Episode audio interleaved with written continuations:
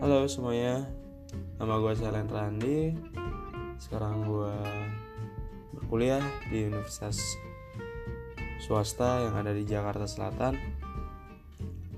Gue aslinya dari daerah daerah Sumatera Utara yaitu Pematang Siantar. Nah, di sini gue mau cerita tentang hidup gue sih yang sebenarnya. Tapi ya juga membahas isu-isu yang ada di Indonesia sekarang bahkan di luar negeri.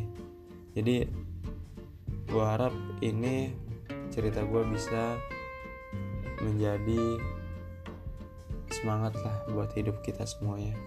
Oke? Terima kasih atas dukungannya. Assalamualaikum warahmatullahi wabarakatuh